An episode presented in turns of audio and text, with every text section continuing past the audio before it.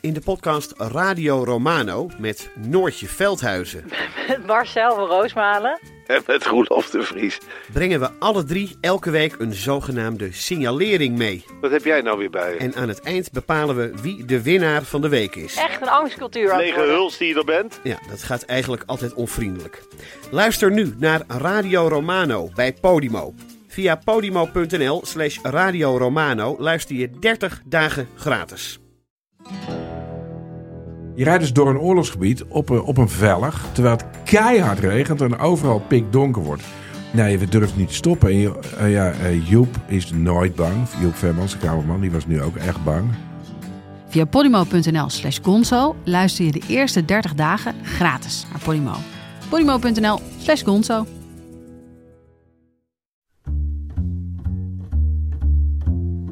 Hallo, dit is de wekelijkse podcast van de Groene Amsterdammer. Ik ben Kees van der Bos.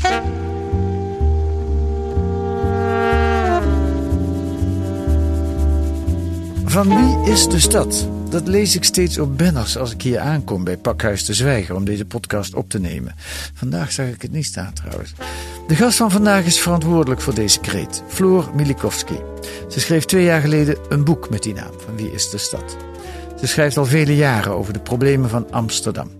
Deze week beschrijft ze in De Groene welke mogelijkheden de geweldige woningdruk in Amsterdam geeft aan de randgemeenten, zoals Almere, Hoofddorp en Purmerend.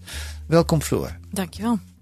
Een optimistisch verhaal vond ik het toen ik het las. Is dat ook de bedoeling? Ja, nou, ik ben ook redelijk optimistisch. En eh, eh, mensen denken vaak dat ik heel pessimistisch ben. Dat ik, hoor ook over mijn boek vaak dat, dat dat door mensen, niet door iedereen hoor, maar dat het door een, een flink aantal mensen als pessimistisch wordt ervaren. Hoe- omdat ik. Hoezo? Hoe komt Ja, dat? nou ja, ik, ik beschrijf net heel duidelijk de problemen waar Amsterdam eh, mee worstelt. En Ja. ik geef een analyse van die problemen. En daaruit blijkt wel hoe, hoe diep geworteld die problemen zijn. En hoe complex en hoe moeilijk dus ook om daar iets aan te doen. Mhm. Eh, maar aan de andere kant merk ik al wel, en dat was eigenlijk al voordat het boek echt uitkwam, in de laatste fase van het schrijven, merkte ik al wel dat er iets van ja, trendveranderingen eh, zichtbaar waren. Als je gewoon kijkt naar ruimtelijke ordeningsontwikkelingen, dan zie je dat er van alles gebeurt de hele tijd. En vaak inderdaad dat wat in het nieuws verschijnt, loopt achter de ontwikkelingen aan. Mhm. Ehm, dus ik hoor en lees veel in het wereldje en ik zie veel. En je ziet toch wel dat er inderdaad ehm, ontwikkelaars, marktpartijen, maar ook gemeenten steeds meer op een andere manier gaan zoeken naar oplossingen. En dat is deels inderdaad eh, in de regio.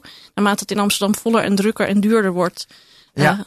Ja, liggen er elders kansen. nou daar gaan we zo verder uitgebreider op in. Eerst wat meer over jouzelf. Woon je zelf in Amsterdam? Ja, ja geboren en getogen. Eh, en had een grachtengordel. eh, Nee, Watergraafsmeer. Watergraafsmeer.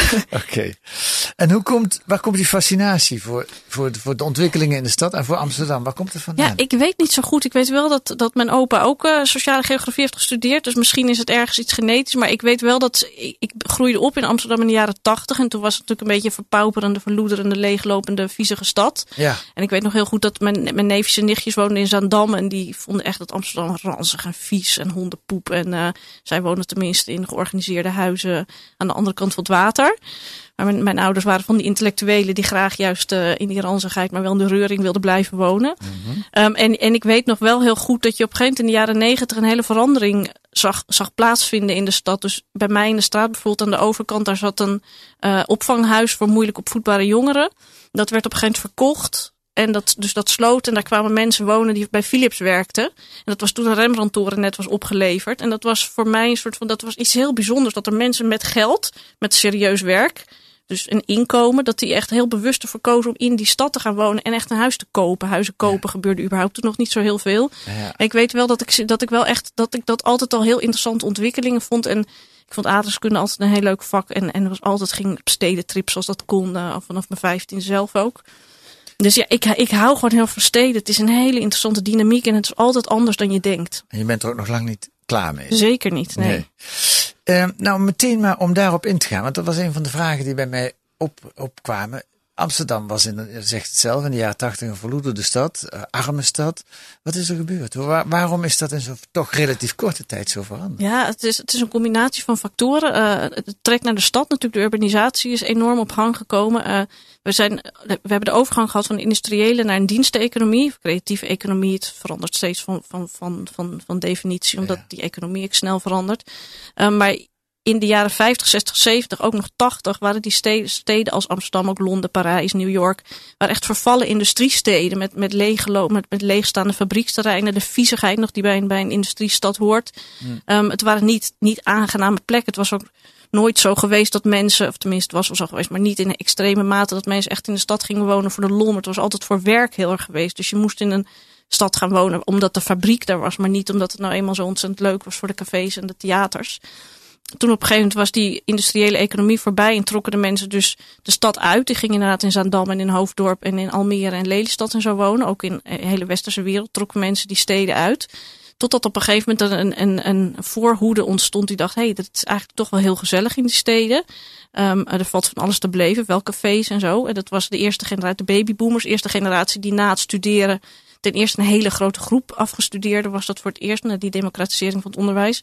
Die bleven allemaal in de, grotendeels in de stad hangen omdat ze het er leuk vonden. Ze gingen niet trouwen. Ja, maar dat is wel gek. waarom vond ineens een groep het leuk in de stad? Ja, omdat het was welvaart. Toen uh, toegenomen welvaart. Ineens nieuw uh, opleidingsniveau. Je kon heel lang studeren voor uh, weinig geld. Of je kreeg er allemaal geld voor. Um, je hoeft ineens niet meer te trouwen. Ik bedoel, het was de, die hele emancipatie en uh, die, die hele jaren zestig uh, revolutie, die, die kwam bij. Dus je was, het was een hele vrijgevochten generatie die dacht, we gaan iets heel anders doen. We gaan het op onze eigen manier doen. We gaan niet burgerlijk doen, maar we gaan gewoon een beetje plezier uh, beleven aan het leven. En dat was in de stad natuurlijk heel erg. Daar hadden ze elkaar en daar waren cafés inderdaad en restaurants en theaters en boekwinkels. Al dat soort dingen brachten een heel soort nieuwe dynamiek. Bovendien was er ruimte toen, want die stad was ja, verloren, verloederd, verpauperd een beetje. Dus er was relatief vergeleken met nu veel ruimte. En inderdaad, door die, door die overgang naar die diensteconomie was het ineens, kwam er ineens allemaal nieuwe werkgelegenheid in de steden niet meer industriële werkgelegenheid, maar de kantoren, de, de, de universiteiten, dat soort dingen. De kenniseconomie. Kwam ook in de stad dus. Die kwam in de stad dus ineens. En er kwam ook nog een tweede, een belangrijke factor die niet lang niet altijd benoemd wordt, maar echt een hele cruciale factor is het de opkomst van het tweeverdienerschap. Waardoor beide partners werk hebben en in de buurt op bereikbare afstand van werk moeten kunnen wonen. En ook nog in de buurt van scholen, ook kinderdagverblijven, de yoga studio en, uh, en dat soort dingen. Dus het is ook een hele praktische keuze vaak van mensen. Inderdaad, in Amsterdam heb je nou eenmaal, in de grote steden, succesvolle steden, heb je verreweg het meeste werk en de meeste voorzieningen. Ja. Dus dat maakt het praktisch gezien ook makkelijk te combineren. Goed, daar zouden we voor de rest van deze podcast mee kunnen vullen om te kijken hoe dat allemaal komt. Maar laten we kijken waar we aangekomen zijn. En dat is een grote stad met, laat ik het benoemen, moet jij maar zeggen of het klopt, twee grote problemen.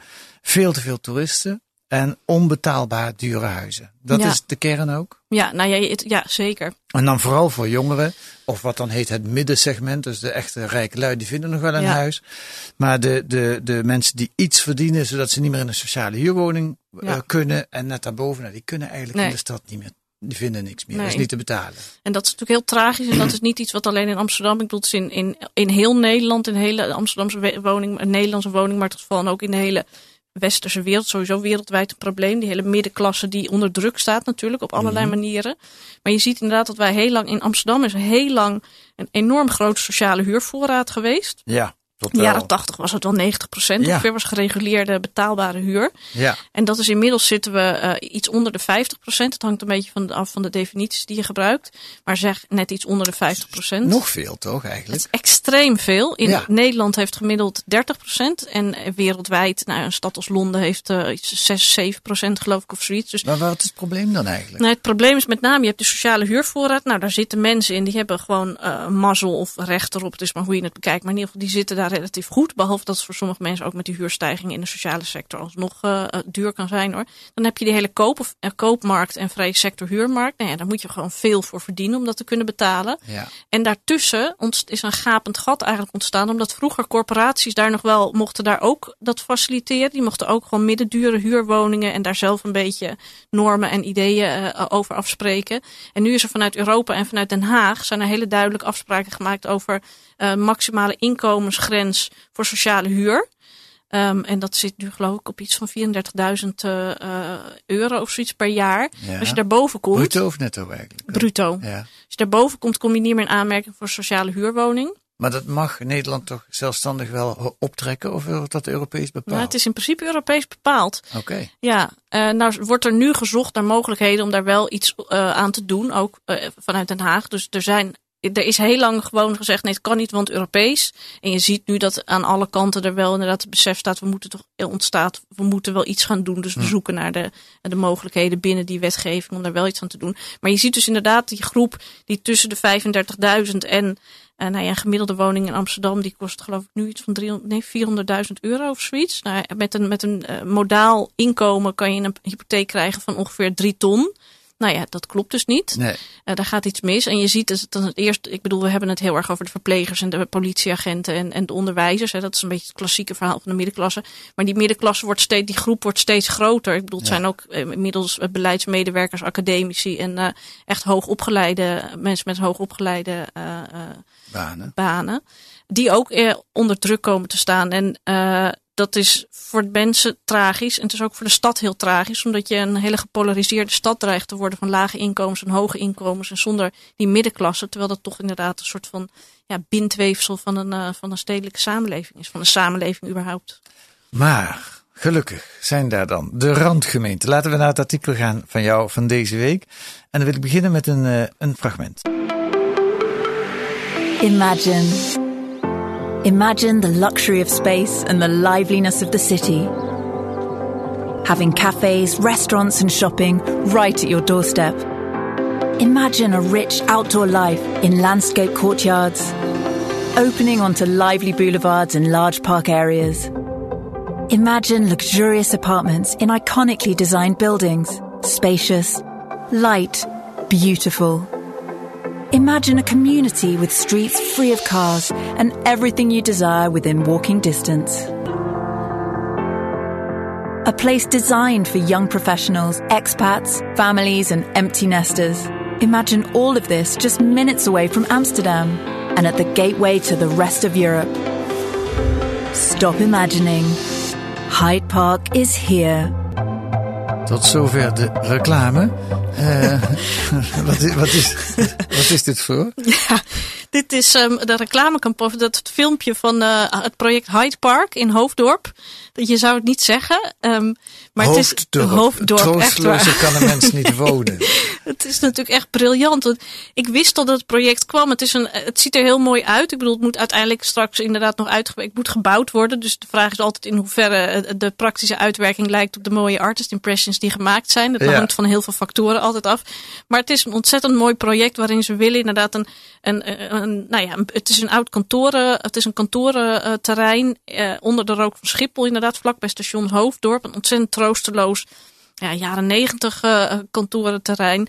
En dat staat deels leeg en het is heel verouderd. En Hoofddorp heeft heel slim bedacht. Daar gaan we een heel mooi stedelijk woongebied neerzetten of, of ja, ontwikkelen. Met, met mooie appartementen, met mooie tuinen, met, met goede voorzieningen. Met, ja, je hoort het allemaal, iconic, ja. uh, weet ik veel wat allemaal. Ze hebben een projectontwikkelaar gevonden die dat ook wil. Die dat heel goed heeft gedaan al eerder in Diemen met Holland Park. Dus Hyde Park, Holland Park. Je hoort overeenkomsten. Dat, is, uh, dat, dat, is, dat is tien minuutjes fietsen van Amsterdam in Diemen inderdaad. Uh, vlak bij de Bijlmer. En het, het is... Het, is echt mooi aan het worden. Het is ook succesvol in de zin van dat mensen er met plezier wonen. En dat dat. Ik laatst toevallig uh, een ouder van school die vertelde ze kon kiezen tussen Eiburg of uh, Holland Park. En ze koos heel bewust voor Holland Park, omdat het dicht bij station ligt. En omdat het op fiets veel meer, beter op fietsafstand ligt dan, uh, dan Eiburg. Amsterdam wordt groter. Eigenlijk. Amsterdam wordt groter. Maar dat het interessant is met het Hyde Park. Ik bedoel, je kan, ik, ik wist dus dat dit project eraan kwam. En toen kwam ik op de website en toen zag ik dit filmpje wat bij deze tekst hoorde. Met onwijs mooie plaatjes en onwijs luxueus. En toen dacht ik, nee, ik heb toch de verkeerde website. Want dit gaat toch echt over Hyde Park in Londen.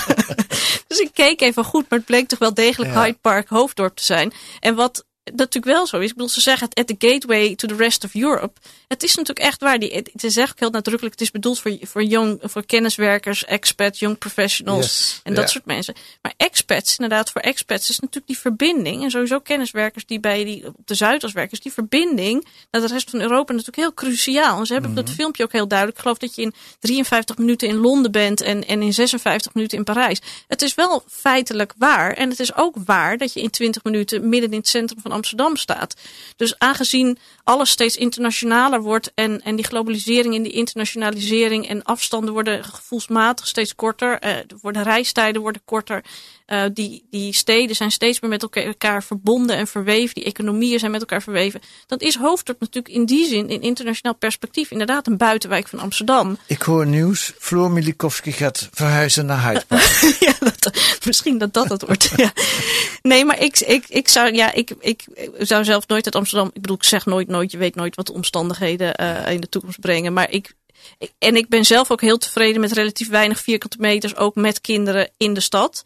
Maar je bent wel enthousiast over dit ik project. Ik vind het heel goed, omdat, kijk, Iedereen heeft het, het over inderdaad hoe, hoeveel sociale huur moeten we in Amsterdam nou nog bouwen. Hoeveel middensegmenten, hoeveel vrije sector. Er zijn eindeloze strijd nu binnen het uh, college van BMW en tussen het college en marktpartijen. En onder bewoners is die discussie heel heftig. Maar uiteindelijk het feitelijke probleem is natuurlijk dat er veel meer mensen in Amsterdam willen wonen dan erin passen. Mm -hmm. Op het moment dat je zegt we gaan meer sociale huur bouwen, dan zeg je dus mensen uh, met in het middensegment en het, in het vrije sectorsegment gaan we meer, minder ruimte voor creëren. Dus welke je dan ook meer faciliteert, de ander zal altijd de dupe zijn Dus dat is gewoon een gegeven dat hier meer mensen willen wonen dan erin passen. Het is ook een gegeven dat Amsterdam en Nederland de historische context heeft dat wij altijd juist steden nooit uh, tot in het extreme hebben laten groeien, maar altijd een soort van spreidingsbeleid heel lang hebben gevoerd, waardoor er relatief uh, dicht bij Amsterdam ook nog wel middelgrote steden en, en uh, in de buurt liggen. Ik bedoel, Diemen ligt aan Amsterdam vast, maar heet Diemen. Maar als je het Amsterdam Diemen zou noemen, dan zou het ineens veel populairder worden. Ja. Almere ligt inderdaad 20 minuutjes met de auto of met de trein. Dus het is eigenlijk natuurlijk heel dichtbij. En we hebben heel erg de neiging om te denken, god, daar wordt verschrikkelijk. Maar naarmate er meer een soort van spillover vanuit Amsterdam komt. En mensen die toch uh, onder druk van wat voor omstandigheden dan ook te verkiezen om de stad uit te gaan. Die komen dus elders terecht. En naarmate er meer Amsterdammers weer op andere plekken terechtkomen. Ontstaat ook op andere plekken nieuwe dynamiek. Oké, okay, oké. Okay, maar laten we duidelijk zijn. Dit is wel mogelijk omdat het in Amsterdam onbetaalbaar duur is geworden om te wonen. Dan krijg je deze ruimte. Ja. Is het ook is het een goede oplossing voor dit probleem? Nou ja, kijk, waar je, wat je moet, voor, je moet eigenlijk Kijk, Amsterdam is onderdeel van de metropoolregio Amsterdam al best lang. Er is in de jaren negentig op een gegeven moment een referendum geweest om de stadsregio Amsterdam uh, in het leven te roepen. Dat zou een heel vergaande samenwerking tussen Amsterdam en die andere gemeenten zijn. Dat is echt massaal weggestemd in dat ja. referendum. Ja. Mensen zagen dat helemaal niet zitten. Achteraf was dat misschien eigenlijk wel goed geweest, maar dat is, kan je achteraf niet, is dat altijd nou ja, met de kennis van nu, zou ik maar zeggen. Mm -hmm. En wie weet wat de kennis van nu met terugwerkende kracht uh, had gegeven. Maar in ieder geval, je ziet dat um, Amsterdam nu steeds meer bereid is om echt samen te werken met die omliggende regio's. Omdat Amsterdam zelf die problemen met die woningmarkt niet kan op, oplossen. Het is gewoon, ja, inderdaad. Nou, maar, maar, wat, nee, maar één, één dingetje. Ja. Wat je dus moet voorkomen, is dat Amsterdam een reservaat voor rijken wordt. Mm -hmm. En dat die andere gemeentes inderdaad uh, de opvang voor de spillover van de middenklasse en de onderklasse wordt. Wat je dus ja, moet zorgen is maar dat. dat, zo ziet het er wel een beetje ja, uit. maar dat hangt vanaf. Kijk, je ziet nu dus heel nadrukkelijk dat het gemeentebestuur in Amsterdam heel hard bezig is met weer sociale huur, meer bouwen. Je ziet dat ze heel erg bezig zijn met middensegment huur. Dat wordt minder aantrekkelijk voor beleggers. Je merkt ook dat op een gegeven moment, als er een soort van andere sfeer ontstaat in de stad, waardoor mensen die deels ook in de stad wonen, omdat het goed is voor hun woningwaarde of wat dan ook, of voor de status of voor de, nou, geef het een naam. Dat, er kan natuurlijk op een gegeven moment juist een hele andere sfeer ontstaan, waardoor het niet meer helemaal het coolste is om in Amsterdam te wonen, maar waardoor het weer heel cool is om in Naarden of in Bussum of in Heemstede of in Bloemendaal Hm. of in uh, dat soort oorden te gaan wonen. Maar wat je moet zorgen is dat er binnen die regio's afspraken, binnen die regio afspraken gaan worden gemaakt, dat er inderdaad op verschillende plekken in die regio en voor hoge inkomens en voor middeninkomens en voor lage inkomens interessante woonplekken, woonmilieus ontstaan. Zodat Daar wil ik nog tot slot van deze podcast met je naartoe. Wat moet er in Amsterdam, behalve dus dat mensen naar uh, Hyde Park kunnen verhuizen, maar wat moet er in Amsterdam gebeuren in jouw ogen om, het, om toch weer iets meer van die middeninkomens in de stad te krijgen en ook jongeren daar te kunnen laten wonen? Nou, je ziet nu wel heel nadrukkelijk dat Laurens Ivens, de wethouder van wonen, echt daar heel erg mee bezig is. Dus de er SP-wethouder. SP-wethouder, die echt nu de eerste vier jaar als wethouder heeft hij heel veel ruzie gemaakt met alle marktpartijen, maar hij heeft wel de sociale woningvoorraad weten te beschermen. Dat is ook, was ook gewoon zijn missie. Ja. En je ziet nu dat hij een keiharde strijd, strijd met corporaties en marktpartijen aan het uitvechten is om inderdaad hun te dwingen uh, om inderdaad in dat middensegment te gaan bouwen. Voor die midden, en, dan niet eh 1000 euro, maar dan krijg je maar 30 vierkante meter. Maar 1000 euro en dan krijg je ook gewoon een woning waar je echt iets mee kan. Waar ook een gezin in kan wonen of 900 euro. En je ziet dat zowel in Amsterdam als in Utrecht als in Den Haag, maar ook in Berlijn bijvoorbeeld, wordt er nu inderdaad heel hard gezocht. En ook echt maatregelen worden genomen om inderdaad ja, samen met die markt te zorgen dat die middengroep wel degelijk een plek blijft houden in de stad. Ja, Berlijn is spectaculair. Hè? Daar hebben ze Ja. een, een huurstop. eh, Ja. eh, moet dat in Amsterdam ook gebeuren? Nou, nee, volgens, nee, ja, volgens, nee, in, in, Amst, in Berlijn hebben ze een veel grotere particuliere vrije sector. We hebben in Amsterdam nog die corporaties waar je heel goed afspraken mee kan maken. En die corporaties zijn ook heel erg bereidwillig om voor, die wilden al veel langer voor dat middensegment iets doen. Maar nee, het is een ingewikkelde technische. Oké. eh, maar in ieder geval, je ziet wel degelijk dat vergeleken met twee, drie, vier, vijf jaar geleden, dat nu inderdaad eh, eh, de bereidheid vanuit het, het gemeentebestuur om echt maatregelen te nemen, die is echt heel groot. We mogen nooit meer zeggen dat Floor Milikowski een pessimistische eh, visie op de stad heeft. Nee, inderdaad. ik ben een optimistisch mens. Dankjewel eh voor je komst naar deze podcast. Graag. En lees haar artikel deze week in De Groene. En ook deze week in De Groene een verhaal van Marja Pruis over vrouwenhaat. En volgende week zijn wij er weer met deze podcast. Met analyses en achtergronden bij het nieuws in de podcast van De Groene Amsterdammer. Deze week werd die gemaakt door Fatih Kilic en Kees van der Bos. En de muziek is A Tune for N van Paul van Kemenaar.